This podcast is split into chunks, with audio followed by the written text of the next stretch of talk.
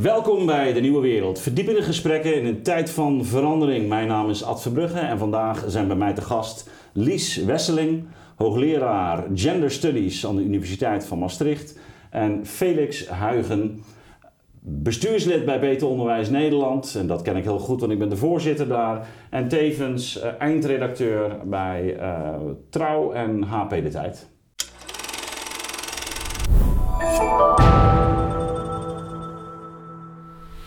Oké, welkom. Dankjewel.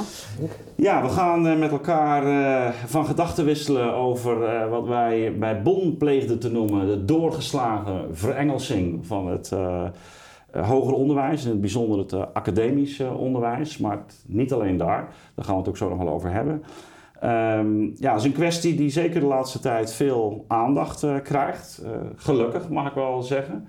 Felix, je hebt een eh, paar weken geleden een stuk geschreven in eh, NRC Handelsblad. Daar zijn veel reacties op gekomen, ook instemmende reacties eigenlijk overwegend. Ja.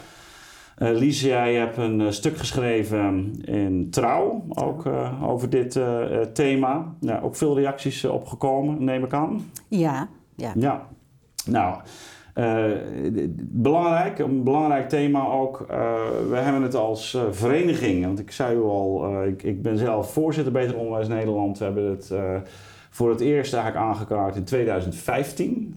Heeft een, nagetrokken met een stuk destijds in ook NRC Handelsblad, meen ik me te herinneren. Eerder was er al sprake van in de bundel Waartoe is de universiteit op aarde. Een bundel die ik samen met Jelle van Baardewijk heb uitgegeven. We hebben uh, nota bene een kort geding gevoerd, uh, zelfs tegen de Universiteit Maastricht, uh, maar ook tegen de onderwijsinspectie en de Universiteit Twente. Was mm Zeker, ja.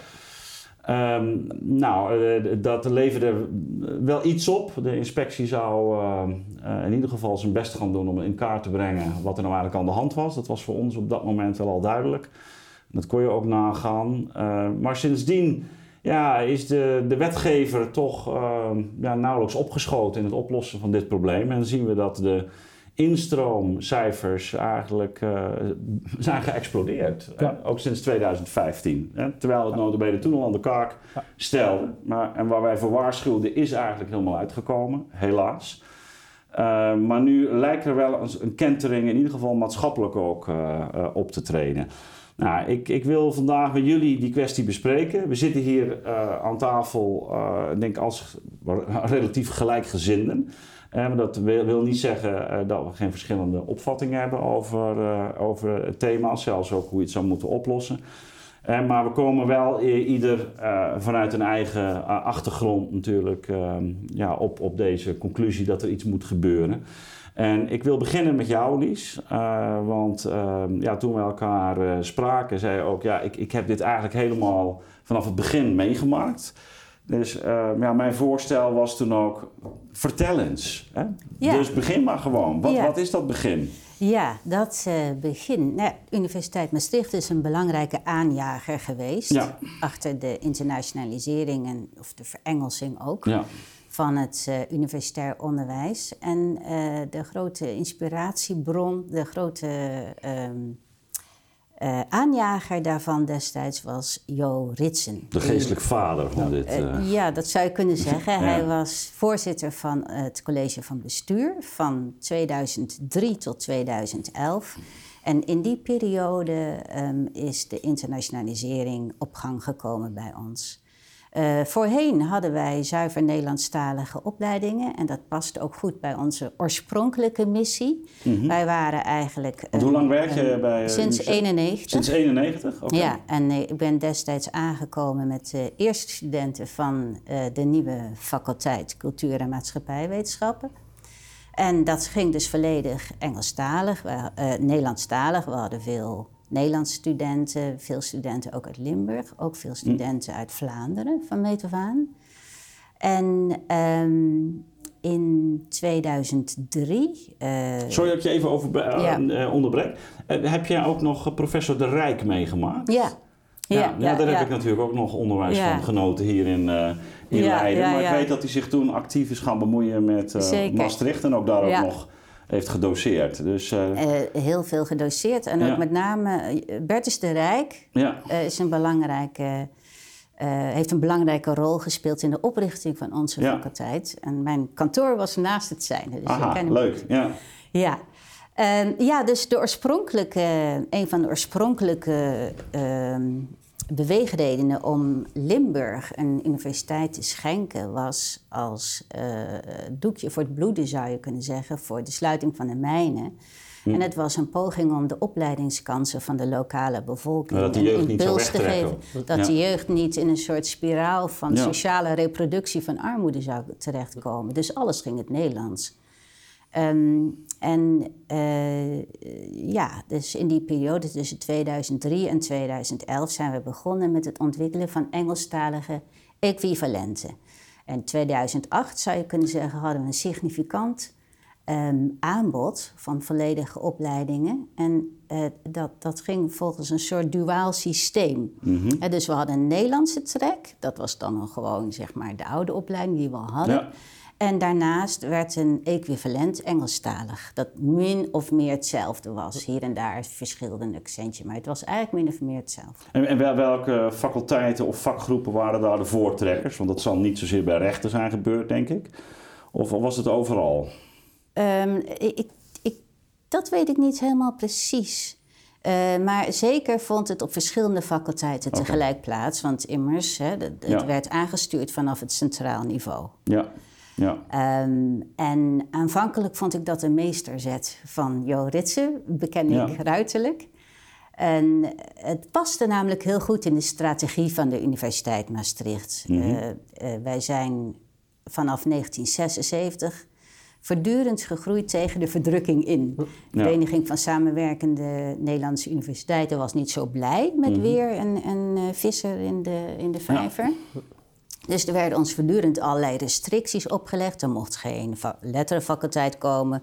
Er mocht eigenlijk ook geen faculteit sociale wetenschappen komen. Er mocht eigenlijk ook geen beta-faculteit komen. Dus daar moest onder de druk van die, van die beperkingen... Uh, hadden wij telkens zeg maar een soort... Uh, ontwikkelden wij een zonderweek, zoals de Duitsers zouden zeggen. Hè? Dus daarbij hoorde de introductie van het probleemgestuurde leren. Hè? Dat had verder geen enkele andere onderwijsinstelling. Um, de interdisciplinariteit van onze curricula. Um, en dit paste in die strategie van ja, weer iets doen dat niemand anders doet. En het paste ook met de geografische ligging van onze universiteit. Ja. Want als ik een half uur fiets, dan zit ik in Franstalig gebied.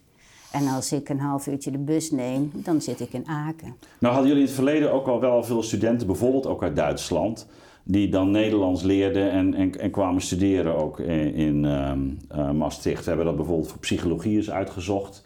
En dat was, uh, we waren ook erg van onder de indruk hè, destijds. Mm -hmm. Maar volgens mij 40, 50 procent, meen ik. 50 procent van de, ja. in 2014 kwam uit het buitenland. Dus jullie hadden wel ook al die, bachelor. Ja, ja. jullie hadden sowieso die aanzuigende werking dat, dat heeft, Ja, we liggen ja. perifeer ten opzichte van Randstad, maar heel centraal in de UI-regio. Dus... Uh, veel Duitse studenten. Maar goed, de meesterzet dus van, van Ritsen. En toen? Ja, ik vond dat een hele goede zet. En aanvankelijk uh, gaf dat ook weer een enorme dynamiek. Je, je kreeg te maken met internationale onderwijsgroepen, wat ik heel leuk vond. Mm -hmm. um, ik, ik publiceerde aan het Engels en ik heb Engels gestudeerd, dus voor mij was ja. die taal helemaal geen issue. En uh, je kreeg ook voortdurend weer nieuwe collega's. En het genereerde de middelen ja. om ook weer nieuwe uh, bachelors en masters te ontwikkelen. Dus er, er, ontstond een onstuimige groei. Ik vond het prachtig allemaal. Ja. Jarenlang heb ik daar zeer enthousiast uh, aan deelgenomen. Wat ik niet kon voorzien, op dat, wat ik echt niet had voorzien, misschien Jo Ritsen wel, dat hm. dus, weet ik niet is dat alle andere Nederlandse universiteiten dat ook zouden gaan doen. Ja. Daar stond ik eigenlijk niet bij stil. En hetzelfde is trouwens gebeurd met onze brede cultuurwetenschappelijke bachelor. We hadden al een brede cultuurwetenschappelijke doctorandusopleiding, dus voor de invoering van het bachelor-master systeem. En wij hadden echt niet kunnen voorspellen dat alle andere letterenfaculteiten ook zo'n nee. opleiding... Ja. Maar dat was een uh, soort liberal arts af alle letteren of zo? Ja, of ja, ja. inderdaad. Ja, Dus, dus je, je, bij jullie kon je brede pakketten samenstellen, ook als student zelf? Bij ons zijn de, de individuele onderdelen aan zich interdisciplinair. Ja, ja. Het is anders dan een university college, waarbij die zijn multidisciplinair. Hè? Dus je stelt je eigen pakket samen uit een disciplinair mhm. aanbod. Maar bij ons zijn alle onderwijsmodules interdisciplinair en worden ook via, uh, door teams ontwikkeld. Aha, en ook uh, in de vorm van team teaching gedoseerd. Nou, dat zou niets voor mij zijn, maar jullie Ja, dat kan ik me voorstellen. ja, Het is verbluffend hoeveel collegiale contacten je hebt bij ons. Nou, maar die heb ik ook wel. Die heb ik ook wel. Dat is, don't worry. ja. Nou, voor mij begon er een keerpunt te komen toen ten eerste toen ik besefte dat iedereen dat aan het doen was. Ik denk van ja, dat was eigenlijk nooit de bedoeling. En in de eerste instantie snapte ik dat ook niet zo goed, want ik dacht dat is toch gewoon een Maastrichts ding. Ja. ja. Uh, toen het mij echt uh, zorgen begon te baren was dat uh, ja, op een gegeven moment de universiteiten met z'n allen in de slag om de internationale student geraakt. Dus je moest ook daar weer telkens nieuwe dingen in verzinnen. Concurrentie. Ja. En uh, dus dat, dat, deed de Universiteit Maastricht ook, hè, als jongste universiteit van Nederland. Die wil natuurlijk niet uh, ja, het onderspit delven. Onder, ondersneeuwen. Ja. En toen is er op een gegeven moment een hele gerichte campagne gekomen om Britse studenten te werven. De Britten namelijk, die, hadden, die willen altijd graag onbegrijpelijk voor mij, hun klassensysteem reproduceren. Dus die, daar heb je een collegegeld van om en nabij de 11.000 pond hè, per jaar. Ja. Uh, ja, dan zit je nog niet eens bij de top, hè? Dat is voor iedere universiteit. Dus daar kan je niet aan ontkomen, behalve door bijvoorbeeld in Maastricht te gaan studeren. En als, en als docent heb je vaak uh, geflatteerde uh, veronderstellingen over de motieven van studenten, over het keuzegedrag van studenten. Vaak zijn hun motieven heel banaal. Dat moeten we om de ogen zien. Ja. Uh, dus Britten kwamen domweg alleen om, omdat het goedkoop was. Ja. Ja, en dat scheelt nogal wat, hè? En toen dacht ik bij mezelf, waarom moet de Nederlandse belasting opdraaien voor, voor het uh, haperende onderwijsbeleid van Groot-Brittannië. Ja. Dat, en bovendien viel me op dat moment uh, ook voor het eerst echt goed op dat er geen uitwisseling was. En dat vind ik een cruciaal element van internationalisering. Het moet echt een, uh, daar moet een wederkerigheid in zitten. Er moet echt uitwisseling zijn. In Nederland is het eenrichtingsverkeer want ja, door de Britten uh, vielen mij de schellen van de ogen. Want uh, er zijn natuurlijk heel weinig Nederlandse ouders die, die dergelijke collegegeld. En waarom zou je het ook doen? Ik bedoel, bij ons is het onderwijs ook redelijk. Hè? Ja. Waarom zou je jezelf dat aandoen? Toen dacht ik, nee, hier, hier gaat het echt mis. Ja, en dan hebben we het over een periode, 2014, 15 zo'n beetje, denk ik? Ja, of misschien nog iets later. Ja, ja, oké. Ja. Oké ik heb ehm, geloof ik verdrongen wanneer dat ja, ja, ja, ja, ja, maar het is wel enige jaren geleden. Maar het heeft wel diepe indruk op mij gemaakt. Ja, ja. ja. Nou ja, het baarde ons inderdaad al wat langer uh, zorg ook. Um, het, zelfs bij de, bij de oprichting van de verenigingen wordt er al voor het eerst uh, over gesproken. Uh, maar het is natuurlijk ja, de afgelopen, nou pak een beetje tien jaar echt wel heel hard gegaan. Um, ik hoorde Lies net, net zeggen, het, het, gaf heel, ons heel veel middelen. Hè, want door, die, door die groei, en we waren uniek in uh, Nederland, uh, ja, konden we ook ons dingen veroorloven die we voorheen niet uh, konden betalen. Uh, dus je ziet dat dat een ja, soort dynamiek op universiteit. Ik denk dat, dat we nu dat punt al lang voorbij zijn. Hè? Ja. Dus we, we, we hebben nu te veel dynamiek.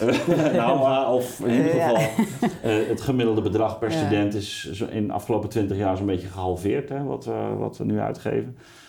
Felix, misschien de eerste, eerste reactie op die. Ehm, en misschien voordat we daarop ingaan, ehm, we, we, kennen natuurlijk al lang die, je had het over uitwisseling. Dat is natuurlijk het Erasmus-programma. Ja. dus jou, als humanist zal dat toch ook aanspreken? ja, ja. Eh, dat is natuurlijk altijd een heel prachtig instrument geweest. Alleen, er is natuurlijk een groot verschil tussen studiepuntenmobiliteit. Hè? Dat is het Erasmus-programma. Je gaat voor een, een, een, semester of misschien een, jaar. Ja. Ehm, en uh, wat wij destijds hebben ingevoerd is diploma-mobiliteit. Ja. En daar zie ik... dat is wat anders, ja. Dat is wat anders. Ja. ja. Ja. nee, want ik heb veel studenten ook in de jaren negentig ook wel begeleid. Ook die, die elders gingen studeren. Frankrijk gingen, ook mensen die naar Spanje uh, gingen. Uh, dat kom ik nu vrijwel niet meer tegen, moet ik nee. eerlijk bekennen. Dus vroeger gingen er veel meer Nederlandse studenten, in mijn ervaring, ook, ook, naar andere Europese landen. En, en dit leerde de taal en die leren dan de taal. Dat, dat, hoorde, dat hoorde er toen bij. Hè? Dat hoorde er toen bij. Nu hebben ze daar geen zin of geen tijd meer voor. Uh, ja, nee, Dat, is, dat heeft natuurlijk ook alles te maken met hoe, uh, daar kunnen we dadelijk ook nog wel hebben, hoe we die studies hebben ingericht. Maar misschien toch een eerste reactie op, op, op, op Lies. Als, als jij dat als je, je, nou ja, relatief jonge academicus zo aanhoort. En je hebt er zelf ook enige ervaring Zeker, mee. Zeker, ja.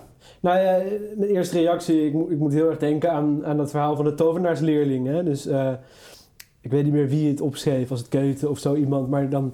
Uh, en dat is ook later een soort tekenfilm van gemaakt hè, uh, door Disney op de muziek van Paul Dukas. Maar dan zie je dus zo'n zo'n zo'n bezem die dan um, um, water, water heen en weer brengt. En dan, mm -hmm. en dan de tovenaarsleerling die, die, die heeft dat met een, tot stand gebracht met een, door, door een soort toverspreuk uit te spreken. En het begin is hij dan heel enthousiast. Want hij denkt, oh wat fijn, ik hoef niks te doen. Ik kan achterover leunen en hè, dat water komt vanzelf. Maar dan uh, op een gegeven moment uh, realiseert hij zich maar, ik, heb geen, ik weet de spreuk niet om het stop te zetten. En dan gaat het maar door en het gaat maar door. En dat is nu een beetje de fase waar we nu in zitten. Dat, dat het lijkt, in eerste instantie denk je, oh wat leuk. En dan zijn mensen enthousiast. Maar op een gegeven moment dan besef je, ja, ik weet, ik, ik kan hier geen, ik heb dus geen stopknop. En het, en het wordt groter en massaler en massaler en hè, uh, steeds minder geld beschikbaar. Ja, er stond, stond net een stuk in Science Guide ook, hè, wat, ja. uh, van het gaat maar door. Ja, precies. Het gaat zo, maar zo, ja. Een soort natuurverschijnsel, want niemand, niemand uh, doet er ook ja. iets aan. Dus de overheid doet eigenlijk niks. Ze zeggen wel, ja, het is inderdaad een probleem, maar uh, dat, dat zeggen ze al zes jaar en niemand doet iets. En dat, ja, de overheid, er wordt wel gezocht naar juridische instrumenten en in Science Guide wordt daar regelmatig over gepubliceerd. Maar ik geloof dat ze ja, tot dus, dus, dusverre die juridische toverspreuk nog niet is gevonden.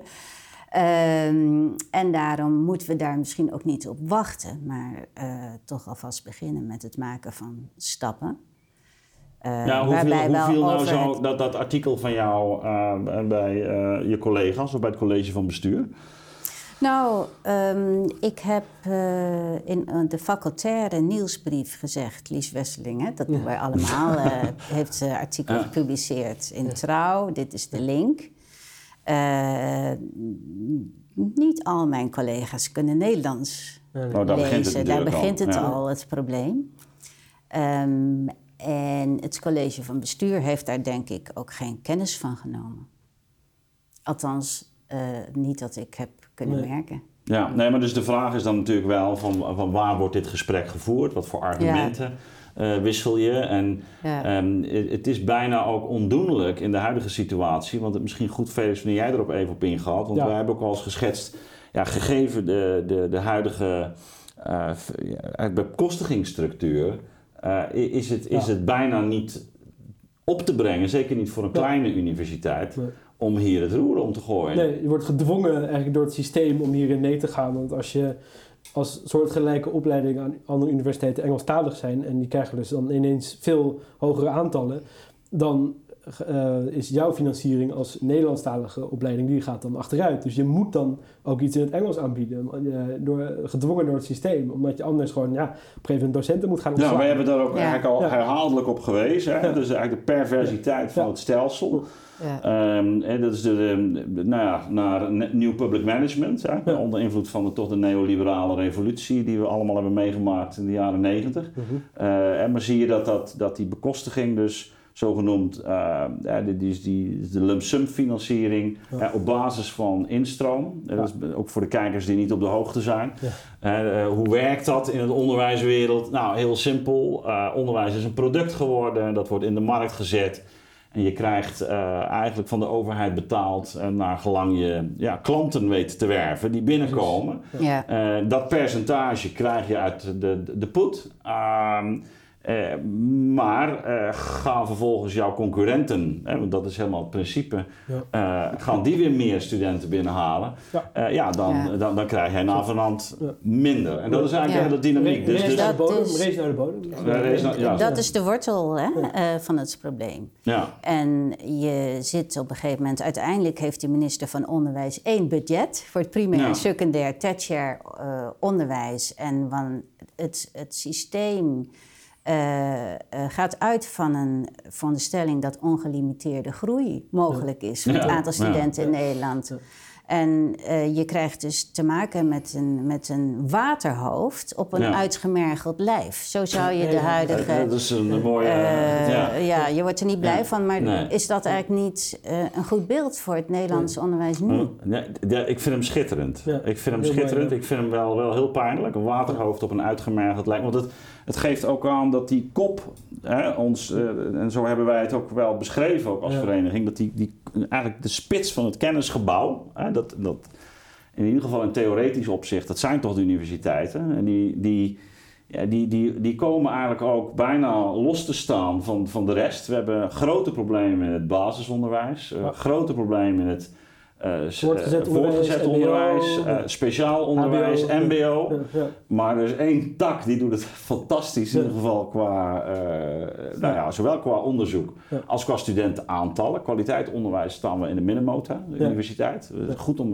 te realiseren. Het is Zeker achteruit niet. gegaan ook afgelopen Het is jaren. zeker niet dat we daar de top hebben, maar het is gewoon, in vergelijking, Degelijk. is het nog steeds vrij behoorlijk.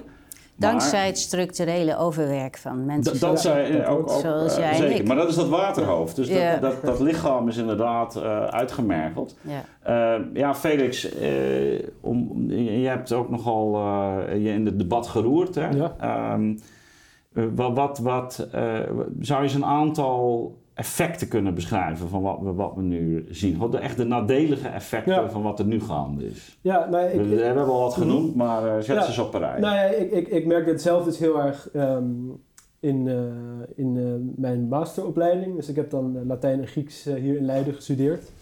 En ehm, eh, ehm, ik merkte gewoon het niveauverschil. Dus eigenlijk de, de, de- in de bachelor dat het eigenlijk vrij, allemaal vrij soepel was. Het onderwijs ook van vrij hoog niveau. En toen moest het in de master ineens allemaal in het Engels. En dan merk je dat mensen ook eh, veel minder zich uitspreken. Dat het veel stiller is tijdens colleges. eh, mensen minder uit hun woorden komen. En het, en het was eigenlijk vrij nog tamelijk goed Engels. Dus het was echt geen steenkolen Engels. Wat die jullie zijn ook nog heel talig natuurlijk. Precies, als precies dat klassici ook nog eens. Dus je zou verwachten Ja. van dat, het, dat, het, dat het dan makkelijk zou gaan, maar het was absoluut niet makkelijk. Ik merk het ook bij presentaties. Dat ik, ik had er zelf ook moeite mee, ondanks dat ik zelf eh, ja, jaren ook in een Engelstalig land heb gewoond, maar toch gewoon mijn Nederlands veel beter ontwikkeld is. Dus ja, het is ook de taal waarin je denkt. Dus, dus, dus, eh, Maar, nou, maar nou zeggen mensen van Ja. begin er dan juist mee hè, in, in die bachelorfase. Ja. Lekker vroeg, dan raak je Ja. eraan ge- aan gewend. Ja, precies. Nee, dat, dat lijkt me ook helemaal niet een verkeerd idee. Hè? Dus dat je ook, eh, ook zeker ook vakken in het Engels eh, doet in de bachelorfase, zolang maar niet de hele opleiding Engelstalig is. Want dan raak je je Nederlands kwijt. Of dan ontwikkel je je Nederlands ook niet. En dat is het andere grote probleem. Ja. Dat eh, ik ook merkte dat eh, ik heb ook ehm, wel een, een deels een, ehm, een paar vakken gevolgd bij een Engelstalige opleiding in, mijn- in de bachelor. En dat toen eh, zelfs eh, studenten zeiden, ja, ik ben mijn Nederlands een beetje kwijtgeraakt. Om- En daar zelfs een beetje over opschepten zelfs. Van, oh ja, dat Nederlands, ja, dat, eh, dat, eh, daar, daar, daar, daar, daar doe ik niet zoveel meer mee. Dus dat, ik kan me eigenlijk helemaal niet mijn vak uitleggen in het Nederlands.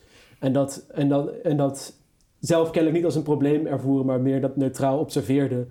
Eh, en dat is natuurlijk het andere grote probleem. Dat je, het is zo ongelooflijk belangrijk om je taal, om je vak eh, eh, op hoog niveau ook te kunnen uitleggen aan, Ja. aan een breed Nederlandstalig publiek. En dat, dat vermogen, dat ontwikkel je niet als, je dat, als je daar niks mee doet Ja, op universitair niveau. Ja. Nou, als je dan over het uitgemergelde lichaam hebt, is Ja. natuurlijk voor de kwaliteit van het didactisch materiaal, Ja. voor alles hè, eh, daaronder, of het nou basisonderwijs is, of Precies. het publiek, of het eh, secundair onderwijs, Precies, de leraaropleiding. Ja, die worden later precies de Ja. leraren en die kunnen dan, ja, die hebben dan op de universiteit hebben ze nooit Nederlands gehad en dan moeten ze ineens in het Nederlands dingen gaan uitleggen. Nou, dat gaat natuurlijk dan ook heel erg moeizaam. Eh, of ze worden ambtenaar, of ze hè, we gaan in de journalistiek, eh, noem al die Ja, vakken maar moeten, op. moeten schrijven. Dat, Moeten schrijven, dat kunnen ze niet. Dus dat, dat, eh, dat hebben ze allemaal niet ontwikkeld. Dus dat moeten ze dan allemaal in de vrije tijd gaan doen. Nee, je ziet dan gewoon dat de kwaliteit van de taal achteruit gaat eh, op veel vlakken. Alleen, Ja, je gaat er daarbij vanuit dat Nederlanders worden opgeleid voor de Nederlandse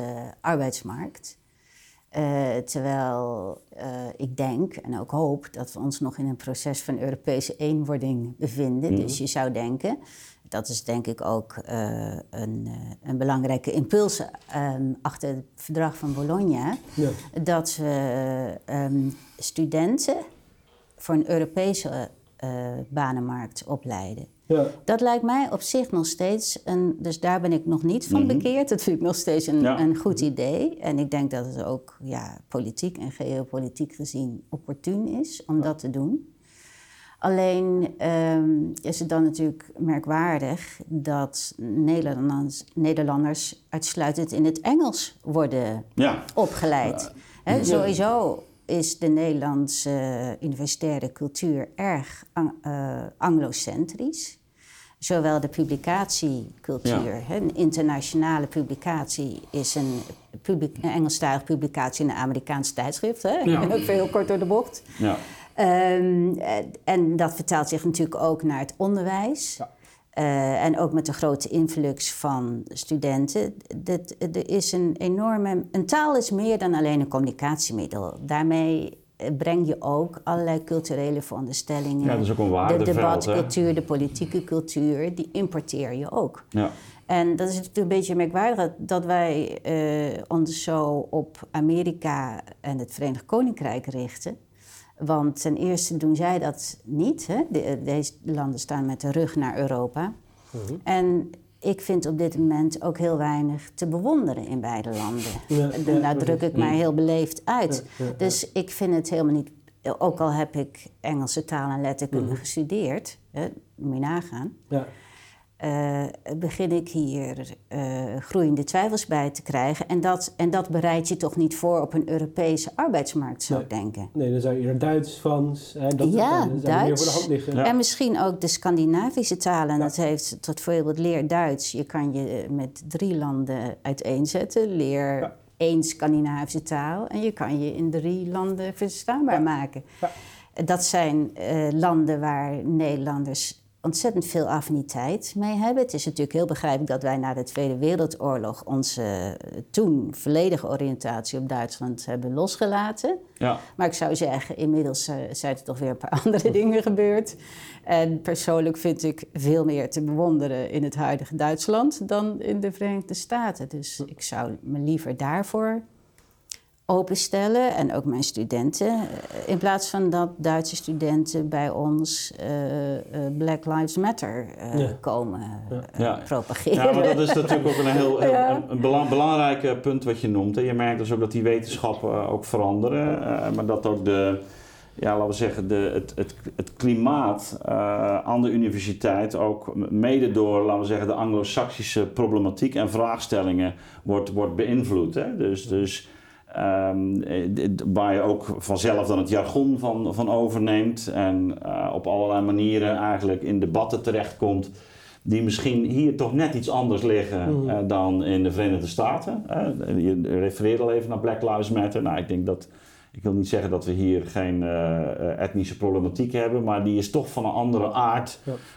dan, dan in de, de, Verenigde Staten. Dus dat raak je eigenlijk ook uit, uit zicht en, en dat is ook het gevaar dat die taal um, ja, te, een, te eenzijdig wordt. Nou, je had het al even over, hè, dus dat je je eigen taal niet, uh, niet goed leert. Maar wat, wat Lies terecht opmerkt, um, en dat zie ik ook, dat we eigenlijk nauwelijks meer andere talen gebruiken dan andere universiteiten. In het verleden was het voor mij, sprak het voor zich dat ik bijvoorbeeld Duitse teksten deed. Nou, ik doe dat nog steeds wel.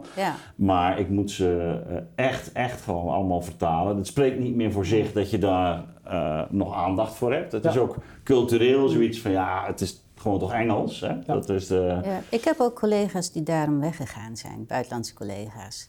Die gericht zijn op de francofonie bijvoorbeeld, hè? Belgische collega's. En, uh, die vonden het te eenzijdig worden. Nou, die, die raakten ontzettend gefrustreerd door de onmogelijkheid om nog Franse teksten voor te schrijven. Terwijl toen we hm. begonnen, in 91, Duits, Frans, Engels en Nederlands. En Nederlands. En Nederlands, ja. Dus vier talen. Dus we waren toen, dus de ironie, hè? Ja, multilinguistisch. Wat is internationaal? Wij waren toen eigenlijk internationaal. Ja, en, nu. Ja, en dan hebben we het nu dat over... Dat is enorme ironie. Ja, nou, dezelfde ironie natuurlijk rond diversity. Ja, Hè? Bedoel, ja. over diversiteit gesproken. Ja. Hè? Het Het is minder divers geworden. Nou, het is minder. Die, de, de, de universiteit is veel mo monolithischer geworden. En je kan ook, zeggen, je kan ook zeggen, eh, ook, ook onderling. Hè? Dus want wat, jij, waaraan jij refereerde is vanuit die bijzondere geschiedenis in Maastricht had je dus een eigen profiel. Ehm, nou ja, wij hebben ook kunnen waarnemen, bijvoorbeeld eh, waar het ging om de bacheloropleiding psychologie, eh, die werd omgezet in, in Maastricht. En ik meen dat in een periode van drie jaar alle bachelors in Nederland naar zo'n Engelstalig programma. Dus je kan zeggen, nou ja, we doen het eens ergens in Nederland. Ja. Maar, maar gegeven Ja. dat Ja, model. ze worden gedwongen, de rest wordt Nou, gedwongen. dat is eh, bijzonder jammer van de Nederlandse universitaire cultuur. Ik, ik heb dat al heel lang betreurd. Ik ben nu op een punt gekomen dat ik denk, misschien kan dat niet anders in zo'n klein land. En zitten al die universiteiten te veel op elkaar. Hm. Eh, maar het heeft natuurlijk ook weer te maken met die competitie waartoe Ja. eh die universiteit... bekostiging en, dus. en competitie geeft, vreemd genoeg, eh, dan krijg je juist niet je eigen Ja, smoel. uniformiteit. Dan zodra iemand een speeltje heeft, dan moeten alle andere universiteiten ook dat speeltje hebben. Ja. ja, dat is mooi. Iedereen gaat elkaar naapen. Ja. Eh, Felix, nog een Ja. paar. Want we hebben het nu, eh, we, we zien dus, eh, laten we beginnen met het waterhoofd. Hè. Dus Ja. een gigantische toename van studenten. Hè. Dus Ja. we, hebben, we hebben, hoeveel is het toegenomen in 20 jaar? Ik denk bijna verdubbeld zo'n beetje. Ja, ja. Ik, de, de precieze cijfers niet paraat, maar het is, een enorm, het is een gigantische toename. En vooral de laatste, sinds 2015 een enorme toename. Dan zie je ook Ja. dat die, die, die curve ook steeds steiler wordt. Sinds 2015, sinds het verengelsen van die bachelors. Dat een enorme, versnelling heeft. enorme eh. versnelling van ja, de, van de over die grootschaligheid. masters, maar het is, eh, Ja. met die bachelors zie je Daar zijn echt die- enorme aantallen mee, meegekomen. Daarvoor was het nog, een- viel het nog relatief mee. En, eh, maar sinds 2015 met die bachelors is het echt gigantisch. Eh. De grootschaligheid enorm toegenomen. En, eh, Ja, nou, nou is als tegenargument, we halen talent binnen. Hè? Ja. Eh, Ja, maar daar, daar, daar zou ik van zeggen, ehm, daar is de master een, een, een logische eh, fase voor om dat te doen. Omdat in de bachelors weten studenten vaak nog niet zo goed wat ze willen. Het zijn vaak vrij brede bachelors. En dan eh, vaak vertrekken ze ook weer naar die bachelor om elders dan een master te, te doen. Dus als je echt talent wil binnenhalen, Ja. dan moet je dat op een gerichtere manier doen. En ook meer in die masterfase kijken van hè, waar, eh, eh, eh, waar is behoefte aan en waar, en waar missen we nog eh, studenten. Ja. Het zet, het zet in ieder geval alles al onder druk. Hè? Ik bedoel, de studentenkamers is natuurlijk eh, een heel, heel bekend voorbeeld. Het is heel erg lastig geworden, Ja. ook in een stad als Zeker Leiden. Amsterdam, eh Randstad Ja. is het echt Trouwens moet Maastricht je, is. dat is ook niet alleen maar mooi, talent binnenhalen. Ja. Want eh, zodra ik de term brain drain Ja, Ja. nee, dat is ook zo. Hè, ik Ja. kijk het in, eh, in Europees verband. Ja. En eh, het is helemaal niet zo positief als er een brain drain is vanuit Ja. Bulgarije, Roemenië, Hongarije, dat eh, Griekenland, Italië. En precies uit die groepen Nee, zie je heel veel studenten en docenten ook. Aan de Universiteit. Maastricht. Fantastische collega's en, en leuke studenten, daar gaat het echt niet om. Nee. Maar eh, ho- hoe opportun is dat voor die landen? En eh, vergroten we op deze manier niet de ongelijkheden Hmm. Soort herhaling binnen Europa? We, versterken, we versterken eh, Ja. eh, daarmee ook de, de economische achterstand van deze landen. Ja. Dus ja, het is leuk als Nederland allemaal talent gaat binnenharken. Ja. Maar Het is- het is wel een eh, eenzijdig, wat eh, dat moet je ook in internationaal Ook- weer perspectief bekijken. En verder zou het ook mooi zijn als we wat talent zouden uitzaaien Ja. op een Europese arbeidsmarkt. En eh, ja, ik vind dat het huidige systeem Nederlandse studenten benadeelt. Dat heb ik uitgelegd in mijn stukje. ja, misschien goed om dat nog even kort, Ja. kort te schetsen, ook voor de mensen die een stuk niet hebben gelezen. Ja, nou, eh, de cijfers zijn wat betreft diploma-mobiliteit: 23% komen binnen en slechts 2% van Nederlandse studenten gaan weg. Eh, Nederlanders missen daar dus een stukje eh, internationale ervaring. En dat, dat heeft alles met taalkwesties te maken. Dat kun je ook zien aan de, aan de favoriete landen waar Nederlandse studenten naartoe gaan. Dat is onveranderlijk Verenigde Staten, Verenigd Koninkrijk. Dat zijn dus vaak studenten met rijke ouders. Hè? Ja. Dus logisch dat we die boven de 2%. Ja. En Vlaanderen. Dus eh, voor Nederlanders. Ze worden dit- eenkenniger eigenlijk, Nou ja. op een ehm, alle manier. ik begrijp dat ook, want binnen drie jaar eh, heb je niet zoveel tijd om je nog een, een, een taal. ze hebben haast. ja. Ja. Dus, dus blijven ze hier. Eh, terwijl, eh, want er is heel weinig Engelstalig aanbod Ja. buiten Nederland. En het Engelstalig aanbod dat er is, is onbetaalbaar eigenlijk. Dus Nederlandse studenten staan daarin zwaar in het nadeel. Mhm. En eerlijk gezegd, jonge Nederlandse academici, dit is echt vloek in de kerk wat ik nou zeg. Nou, Ja. dat mag hier hoor. Maar ja. Zolang, zolang het ergens op slaat. Maar iemand moet het een keer gaan zeggen. Zeg het maar eens. Eh, jonge Nederlandse academici, die nu hun loopbaan Ja. moeten beginnen, die staan ook in het nadeel. Waarom? Nou, omdat ze voor banen aan Nederlandse universiteiten een soort wereldwijde competitie moeten aangaan. Terwijl andere landen niet noodzakelijkerwijs even Aha. verwelkomend zijn. Ja, ja, ja, Hè, ja. bijvoorbeeld Canada, ik noem maar een land. Canada heeft officieel beleid dat vakken, nou, eh, nog sterker, in de dat is voor de banenmarkt Mhm. überhaupt, maar voor de academische wereld geldt de regel, heb ik me laten vertellen, dat vacatures in principe door Canadezen vervuld moeten worden, tenzij je kan aantonen dat de benodigde expertise Ja. niet in Canada voorhanden is. Ah. Ik weet niet hoe strikt ze dat toepassen. Hè? Ja. Wij zijn ook niet altijd even strikt met onze regels, zoals jij aantoont. Mhm. Maar eh, Canadezen zijn wel welkom hier. En eh, Nou, ze zijn van harte welkom wat mij betreft. Ze zou, maar dan, daar moet wederkerigheid zijn. De wederkerigheid is uit het systeem.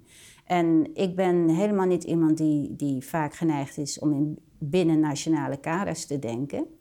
Maar ja, etniciteit is ook een lijn waar langs mensen gediscrimineerd kunnen worden. Je zou het niet verzinnen eigenlijk dat een land dat een imago heeft van zeer Ja. welvarend en assertief, et cetera. Maar ja, dit is mijn, eh, mijn, mijn waarneming. Ja, even, even dus een paar dingen dus op een rij. Dan gaan we zo ook naar wat, wat moet er gebeuren. Hè? Dus we zien ehm, eh, dat eh, de, het waterhoofd ontstaat, grote Mhm. aantallen, eh, minder, minder begeleiding. Ja. dat, dat, dat kun je Over- gewoon Overwerkte aan- aan- docenten. ja. aantonen. Ja, ook, ik bedoel, ik heb het ook wel meegemaakt, oprukken van de meer, meer keuzetentamens. Hè. Op al, eigenlijk alle, alle faculteiten zie je dat. Nou, wij, bij filosofie kunnen we dat nog wel enigszins terughouden, maar we geven ook andere onderwijs, dienstverlenend onderwijs. En dan zie je toch wel die, ja, wanneer er grote aantallen zijn, dat die druk ontstaat. Nou, kom ook nogal wat studenten tegen die inderdaad nog nooit iets hebben geschreven. Nee, Eh, dat is ook nee. wonderlijk. Of het nou Engels is of Nederlands, maakt eigenlijk Nee. niet meer uit. Maar Nee. heel, heel weinig echt eh, investeren in schrijfvaardigheid. Nou, dat is, die, dat, is die, dat is dat waterhoofd. Het, het, het, eh, de eenzijdigheid van de taalbeheersing. Dus je, je leert, nou ja, op zich wel Engels, maar een bepaald soort Engels. een beetje globish Eng- Engels, niet per se Shakespeare. Jargon, Hè? Ja, precies. Dat, Ja. Ik zeg ook altijd tegen mensen die denken dat ze goed Engels kunnen. Oké, ga een keer Shakespeare lezen en realiseer je dan dat dat in Engeland nog steeds wordt opgevoerd. Hè? Dat is Ja. een, een, eh, Ja. maar goed, eh, dus, dus, maar ze leren wel natuurlijk, hè, en je, nou, die, die, die- die- laten we zeggen dat, dat, dat, dat internationale Engels, dat leren ze wel, dat is natuurlijk een voordeel. Ehm, maar goed, ze leren andere talen niet en het Nederlands leren ze ook eh, eh, beduidend eh, minder. Ja. Ehm, eh, nog meer. Ja, Ehm, nee, dus dat, dat laatste is natuurlijk een heel goed punt. Gewoon dat, dat taal in het algemeen eh, steeds minder belangrijk lijkt te, wordt, eh, te worden gevonden. Omdat je dus dat Nederlands niet meer ontwikkelt en dat Engels is ook niet... Is, is prima om je te redden, eh, maar Ja. niet, niet van een geweldig hoog niveau ook. Hè, Duits en Frans kan je niet meer voorschrijven. Dus er is een soort co- collectieve afname van, van, eh, eh, van ehm, zicht eh, op het belang van, van Ja. taal. En ook Ja. dat zie je dan ook op, op andere onderwijsniveaus. Multilinguïstische vorming. Precies, terwijl we Ja. daar natuurlijk in Europa juist van Mm. moeten hebben, zoals we net eh, gehoord hebben. Dat dat hier juist zo essentieel Nou is. ja, ook je- met benaderingen, wat Lies ook zegt. Ja, Ik bedoel, precies. bij de filosofie zie je het benaderen, natuurlijk ja, eh, bij uitstek. traditie. Dat, Dat zijn ook intellectuele culturen, inderdaad, die van elkaar verschillen. Ja, Maar eh, kijk, we moeten oppassen dat we niet in de valkuil eh, Ja. trappen van eh, de internationalisering moet teruggeschroefd worden. nee, daar hebben we het ook niet Want over. hè. wetenschap Nog- kan helemaal ja. niet bestaan zonder internationale Nee. uitwisseling. Mhm. Maar ik, ik vind dat we opnieuw de vraag moeten stellen die helemaal niet gesteld is bij mijn weten tijdens de afgelopen decennia. En dat is, ja, welke waarden eh, streef je na met internationale uitwisseling?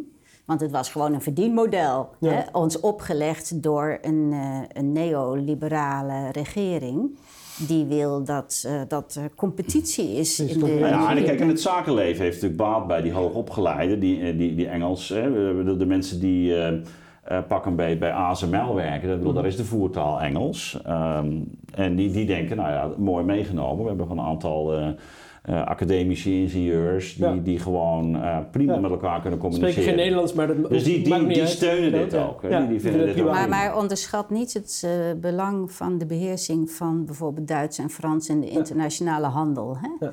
Ehm, je maakt je meestal niet erg populair in deze landen wanneer Nee, je ze Nee. uitspreekt in het ja, Engels. Ja, nee, Dus, ook, ook helemaal waar. ja. Daar hebben we ook regelmatig op gewezen. Zijn, zijn er nog aspecten die we...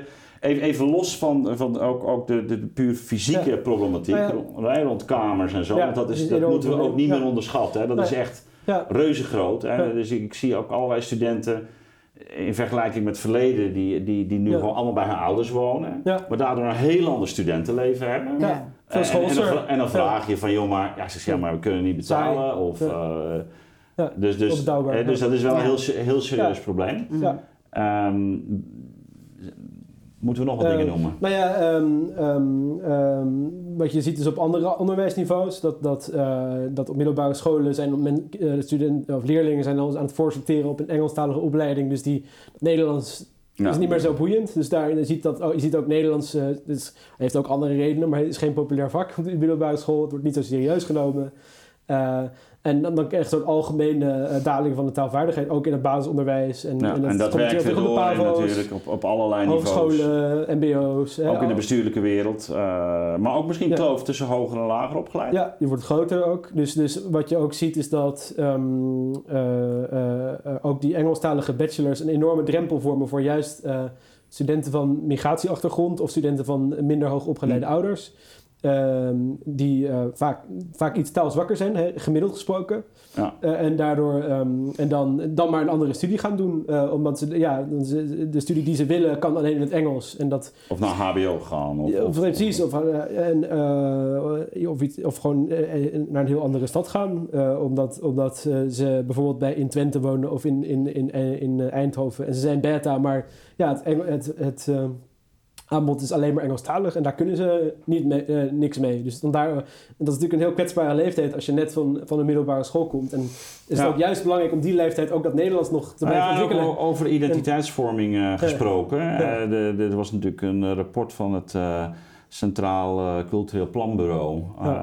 Ook, ook waar het gaat om ehm, de, wat wij als Nederlanders nog als het bindmiddel zien Ja. van onze gemeenschappelijke identiteit. En toen Precies. stond eh, echt by far, om het maar eens lekker op zijn Engels te zeggen, Ja. eh, stond op, op nummer één taal. Ja. Eh, dus dat is ook wel weer fascinerend. Dat bij uitstek dat wat ons samenbrengt, dat we dat op de universiteit En- eigenlijk en- niet... Precies, en, en we hebben het hier over internationalisering. En dat is ook mijn overtuiging, en dat, dat, eh, eh, dat is ook eh, vanuit de wetenschap gestaafd. Van, als je andere talen goed wil leren, dan is de beste basis daarvoor Ja. is goede beheersing van je moedertaal. Als je Nederlands op hoog niveau beheerst, dan wordt het veel makkelijker om goed Frans, Om de goed. Engels, ehm, goed Duits, al die talen laat ook eh, op een hoog niveau Ja. te leren. Dus de- en die basis moet je wel hebben, want anders wordt het ook heel lastig om. Oké, genoeg over de ellende. Eh, Ja, we willen nu, eh, ik denk dat De we aardig- verlossing willen we Ja. nu. En- en- ja, Lies, eh, hoe komen we hieruit? Ja, ik denk eh, door, ehm, nou om te beginnen, hè, om te voorkomen, je moet niet het kind met het badwater weggooien. Dus eh, ook niet dat nou een enorme backlash Ja. komt. Mhm. Eh, dus eh, de- nogmaals, we moeten nu een debat gaan voeren over de vraag... welke waarden streven we na met internationalisering... en hoe kunnen we dat optimaal, effectief eh, organiseren? Maar de KNW had daar ook al een heel verstandig rapport over, hè, een aantal Nederlands tenzij, Ja. daar heb je het over. Ja, Ja. Ehm, maar nou daar ja, is niet heel veel mee gebeurd. ik zou zeggen, ehm, eh, maak de basistaal van de bacheloropleidingen in principe weer Nederlands. Ja, behalve schep- misschien ruimtevaarttechniek of zo.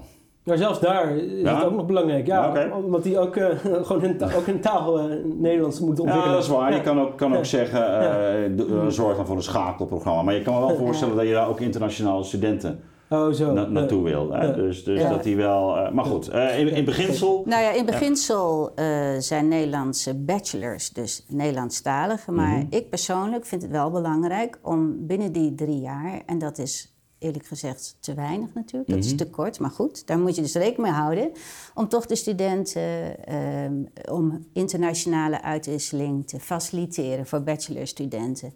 En dat zou kunnen door ehm, ja, Erasmus op te plussen. Nou, waar we het over hadden, dat Uh, midden jaren negentig stijl. Je ja. gaat Frankrijk. maar je gaat- moet, ja, maar je moet wel er rekening mee houden dat binnen drie jaar... De, de- ja, Ja. studenten moesten grote leningen aangaan, dus ze hebben ook bijna allemaal banen. Ja. Eh, dus ze hebben weinig tijd. Er wordt al heel erg veel geklaagd over Ja. prestatiedruk, Ja. zorgwekkende cijfers, over de eh, geestelijke Ja, gezondheid van studenten en Ja, allemaal net dingen. een rapport verschenen Ja, ook, dus in, gewoon even heel praktisch, binnen die drie jaar kunnen ze echt niet ook nog even Duits of Frans of Zweeds op academisch niveau gaan eh, beheersen.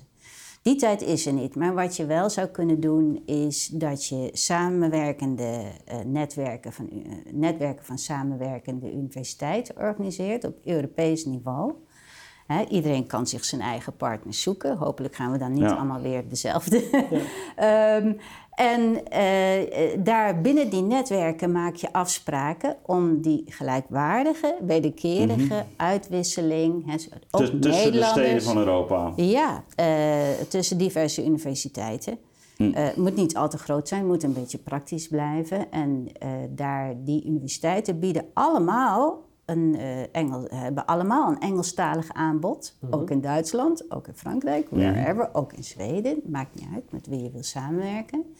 Maar vaste prik zou ik willen bepleiten binnen dat aanbod dat aan buitenlandse studenten, eh, de buitenlandse studenten is gericht, wordt er tijd eh, ingeruimd eh, o- o- o- voor, die gericht is op taalverwerving.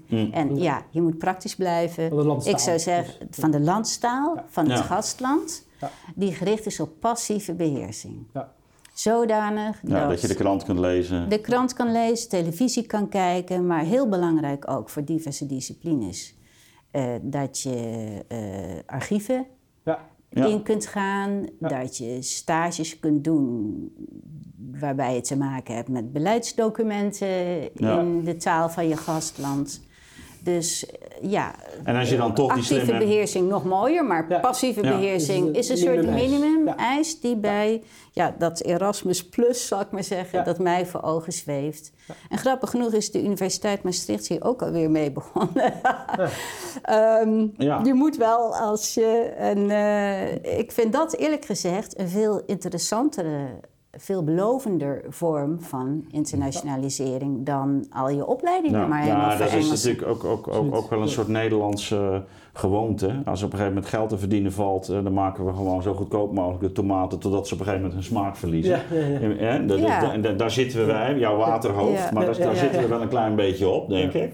En eh, het, het, het moment is wel weer daar, dat hebben ze trouwens bij die tomaten ook ontdekt, hè, dat je ook weer in, kwa- in kwaliteit moet eh, Ja, gaan precies. investeren. Want dat is, eh, Felix, hoe, hoe, ehm, hoe zit jij, hoe zitten wij er Ja, eigenlijk in, precies. Felix? Ja, Want ik denk dat wij als bond met op één lijn zitten. Ja, dat denk ik dan. Nee, dat, ehm, ehm, wat wij natuurlijk zeggen is dat er is gewoon een wet, in ieder geval ehm, eh, artikel 7.2 en, en 1.3 van de wet op Ja. het hoger onderwijs, die in 1992 ehm, is ehm, aangenomen.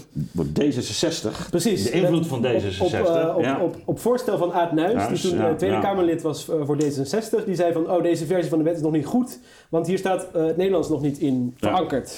Terwijl eh, er was toen al een discussie eh, onder leiding van Jo Ritsen. Ja, maar toen, to- eh, toen had D66 nog iets met cultuur, hè? Ja, precies. Dus, en dat kan weer terugkomen. Dus ze kunnen weer dat, dat weer her- hervinden en dan kijken naar hoe Aad Nuis dat deed in begin jaren 90. En dan zien, oh ja, hij had toch wel heel erg gelijk toen. Want het is essentieel dat, dat je die landstaal een serieuze rol geeft in het hoger onderwijs. Ja, En, voor de kwaliteit van bestuur, Precies. voor het toneel, voor, voor de rechtspraak. Precies. Voor, Dat is zo groot belang. Zei Aad Nuis, van, dat kunnen we niet aan de instellingen overlaten. Hè? Ja, dus, daar dus, heeft dus- de overheid de verantwoordelijkheid. Precies, daar heeft de overheid een verantwoordelijkheid. Want als je dat aan instellingen overlaat, dan gaat het mis. Dus hij heeft dat niet voor niks toen in die wet laten verankeren. Met een, met een enorme meerderheid in de Tweede Kamer is dat toen aangenomen. Dus het is in een nota van wijziging van het kabinet Mhm. is dat eh, voorgesteld en is, dat, is die wet gewijzigd en aangenomen.